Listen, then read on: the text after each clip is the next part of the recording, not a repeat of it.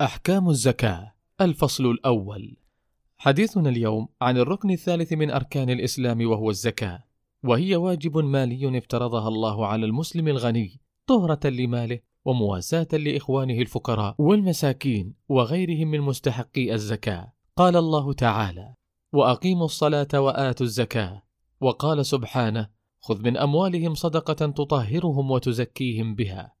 وحدد الله تعالى المصارف التي يجب أن تصرف فيها الزكاة في قوله تعالى إنما الصدقات للفقراء والمساكين والعاملين عليها والمؤلفة قلوبهم وفي الرقاب والغارمين وفي سبيل الله وابن السبيل فريضة من الله والله عليم حكيم.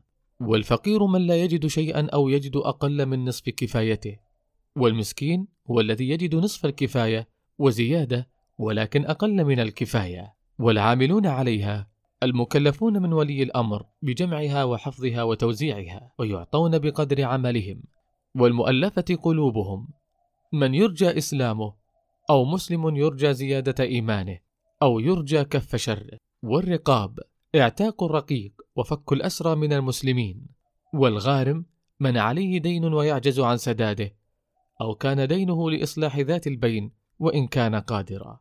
وفي سبيل الله وهم المجاهدون في سبيل الله. وابن السبيل وهو المسافر الذي انقطع في سفره ويعطى ما يكفيه لرجوعه لبلده. ولا يجوز دفع الزكاة للكافر غير المؤلف قلبه ولا لمن تلزمه نفقته كالزوجة والأصول كالأب والفروع كالأولاد ولا لبني هاشم وهم آل النبي صلى الله عليه وسلم. ولا تجب الزكاة إلا فيما بلغ النصاب ولا تجب فيما يملكه الإنسان الانتفاع بذاته كالمنزل الذي يسكنه أو السيارة أو الملابس واختلف أهل العلم في وجوب زكاة الحلي من الذهب والفضة المعد للاستعمال لا للاتجار. نسأل الله أن يجعلنا ممن يؤتون زكاة أموالهم على الوجه الأكمل. نكتفي بهذا القدر ونتحدث بمشيئة الله في اللقاء القادم عن الأصناف التي تجب فيها الزكاة.